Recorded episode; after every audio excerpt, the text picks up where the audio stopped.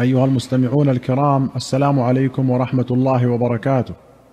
واهلا وسهلا بكم إلى حلقة جديدة في برنامجكم جامع السنة.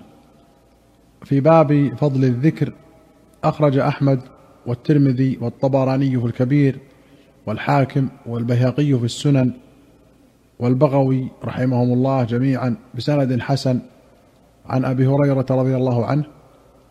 أن رسول الله صلى الله عليه وسلم قال ما جلس قوم مجلسا لم يذكروا الله فيه ولم يصلوا على نبيهم إلا كان عليهم ترة فإن شاء عذبهم وإن شاء غفر لهم. الترة النقص والمراد هنا التبعة. قال الطيبي فيه إيماء بأنهم إذا ذكروا الله لم يعذبهم حتما بل يغفر لهم جزما. وأخرج أبو داود والنسائي والبيهقي في الشعب بسند حسن عن أبي هريرة رضي الله عنه أن رسول الله صلى الله عليه وسلم قال من قعد مقعدا لم يذكر الله فيه كانت عليه من الله ترة ومن قام مقاما لم يذكر الله فيه كانت عليه من الله ترة ومن اضطجع مضجعا لم يذكر الله فيه كانت عليه من الله ترة. وأخرج أحمد وأبو داود والترمذي وابن حبان والحاكم بسند حسن عن أبي هريرة رضي الله عنه أن النبي صلى الله عليه وسلم قال ما اجتمع قوم فتفرقوا عن غير ذكر الله إلا كأنما تفرقوا عن جيفة حمار وكان ذلك المجلس عليهم حسرة. وفي رواية ما من قوم يقومون من مجلس لا يذكرون الله فيه إلا قاموا عن مثل جيفة حمار وكان ذلك المجلس عليهم حسرة يوم القيامة. وأخرج البخاري ومسلم رحمهما الله عن أبي موسى رضي الله عنه قال كنا مع رسول الله صلى الله عليه وسلم في سفر فجعل الناس يجهرون بالتكبير. وفي رواية كنا مع رسول الله صلى الله عليه وسلم في غزاة فجعلنا لا نصعد شرفا ولا نعلو شرفا ولا نهبط في واد إلا رفعنا أصواتنا بالتكبير. فقال النبي صلى الله عليه وسلم أيها الناس اربعوا على أنفسكم فإنكم لا تدعون أصم ولا غائبا. إنكم تدعون سميعا بصيرا قريبا وهو معكم. وفي رواية والذي تدعونه أقرب إلى أحدكم من عنق راحلته. قال وأنا خلفه. فسمعني وأنا أقول لا حول ولا قوة إلا بالله. فقال يا عبد الله بن قيس قلت لبيك يا رسول الله. قال ألا أدلك على كلمة من كنز من كنوز الجنة؟ وفي رواية هي كنز من كنوز الجنة؟ قلت بلى يا رسول الله فداك أبي وأمي. قال لا حول ولا قوة إلا بالله. قوله اربعوا بفتح الباء وضم العين أي ارفقوا. وقوله لا حول قيل الحول هو التحول. فلا أحد يملك أن يتحول من حال إلى حال ولا يقوى على ذلك إلا بالله أي بتقديره والاستعانة به. وقيل الحول الحجز فلا يحول بينك وبين ما تكره إلا الله ولا يقويك على ما تريد إلا الله. قال النووي فيه الندب إلى خفض الصوت بالذكر إذا لم تدع حاجة إلى رفعه فإن دعت حاجة إلى الرفع رفع كما جاءت به أحاديث أخرى. باب أذكار الصباح والمساء. أخرج مسلم عن أبي هريرة أن رسول الله صلى الله عليه وسلم قال من قال حين يصبح وحين يمسي سبحان الله وبحمده مائه مرة لم يات أحد يوم القيامة بأفضل مما جاء به. إلا أحد قال مثل ما قال أو زاد عليه. أخرج ابن أبي شيبة وأحمد وابن ماجة وأبو داود والنسائي والطبراني بسند صحيح عن أبي عياش الزرقي أن رسول الله صلى الله عليه وسلم قال من قال إذا أصبح لا إله إلا الله وحده لا شريك له له الملك وله الحمد وهو على كل شيء قدير كان له عدل عتق رقبة وفي رواية كعدل رقبة من ولد إسماعيل عليه السلام. وكتب له عشر حسنات وحط عنه عشر سيئات ورفع له عشر درجات. وكان في حرز من الشيطان حتى يمسي. فإن قالها إذا أمسى كان له مثل ذلك حتى يصبح. قال السندي قوله كعدل رقبة بفتح العين بمعنى المثل. وبكسرها كعدل رقبة بمعنى الزنة ثم الظاهر أن الكاف زائدة والعدل اسم كان.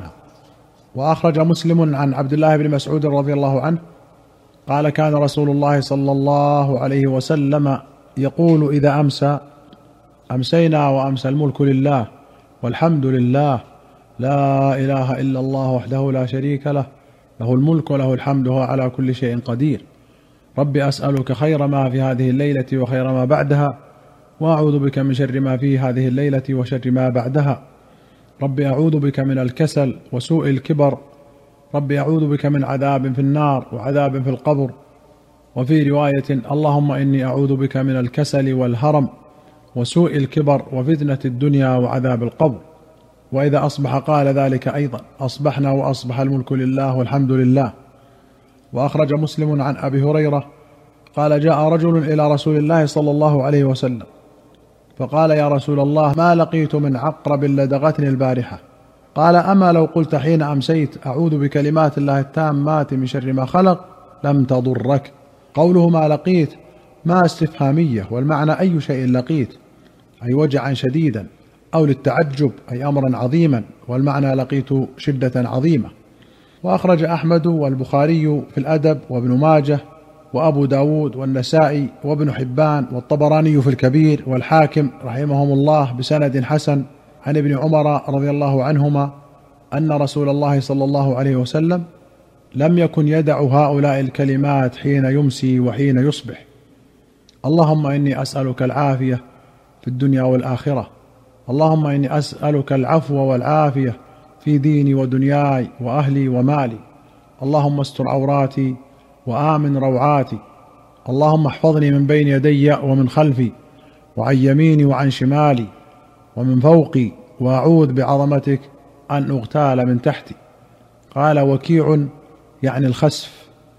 وأخرج ابن أبي شيبة وأحمد والبخاري في الأدب وأبو داود والترمذي والنسائي وابن حبان والبغوي بسند حسن عن أبي هريرة رضي الله عنه أن رسول الله صلى الله عليه وسلم كان يعلم أصحابه يقول إذا أصبح أحدكم فليقل اللهم بك أصبحنا وبك أمسينا وبك نحيا وبك نموت وإليك النشور.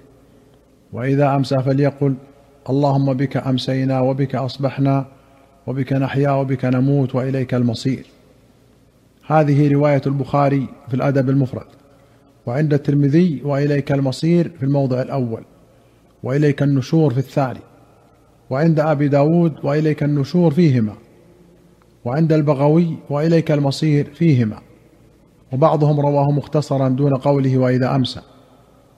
وأخرج ابن أبي شيبة وأحمد والدارمي والبخاري في الأدب وأبو داود والترمذي وابن حبان والحاكم بسند حسن. عن أبي هريرة أن أبا بكر الصديق قال يا رسول الله مرني بكلمات أقولهن إذا أصبحت وإذا أمسيت وإذا أخذت مضجعي. قال صلى الله عليه وسلم قل اللهم فاطر السماوات والأرض عالم الغيب والشهادة رب كل شيء ومليكه أشهد أن لا إله إلا أنت أعوذ بك من شر نفسي وشر الشيطان وشركه. قال قلها إذا أصبحت وإذا أمسيت وإذا أخذت مضجعك. قوله شركه بكسر فسكون ما يدعو إليه ويوسوس به من الشرك وبفتحتين شركه أي حبائله ومصائده. وأخرج ابن أبي شيبة وأحمد والدارمي والنسائي بسند حسن عن عبد الرحمن بن أبزة قال كان النبي صلى الله عليه وسلم إذا أصبح قال أصبحنا على فطرة الإسلام وكلمة الإخلاص ودين نبينا محمد صلى الله عليه وسلم وملة أبينا إبراهيم حنيفا مسلما وما كان من المشركين. كلمة الإخلاص هي كلمة التوحيد. قال تعالى وما أمروا إلا ليعبدوا الله مخلصين له الدين حنفاء. أي ما أمروا بالعبادات كلها إلا ليجعلوها خالصة لله وحده. وقوله حنيفا الحنف الميل. من خير إلى شر أو من شر إلى خير. ومنه قيل لمائل الرجلين أحنف. وقيل الحنيف المخلص. وقال أبو زيد الحنيف المستقيم. وقال قوم الحنف الاستقامة. فسمي دين إبراهيم حنيفا لاستقامته. وسمي المعوج الرجلين أحنف تفاؤلا بالاستقامة كما قيل للديغ سليم وللمهلكة مفازة. وقال الأخفش والجوهري الحنيف المسلم. وقال الزجاجي الحنيف في الجاهلية من كان يحج البيت ويغتسل من الجنابة ويختتن فلما جاء الإسلام كان الحنيف هو المسلم. أيها المستمعون الكرام إلى هنا نأتي إلى نهاية هذه الحلقة. حتى نلقاكم في حلقة قادمة إن شاء الله. نستودعكم الله. والسلام عليكم ورحمة الله وبركاته.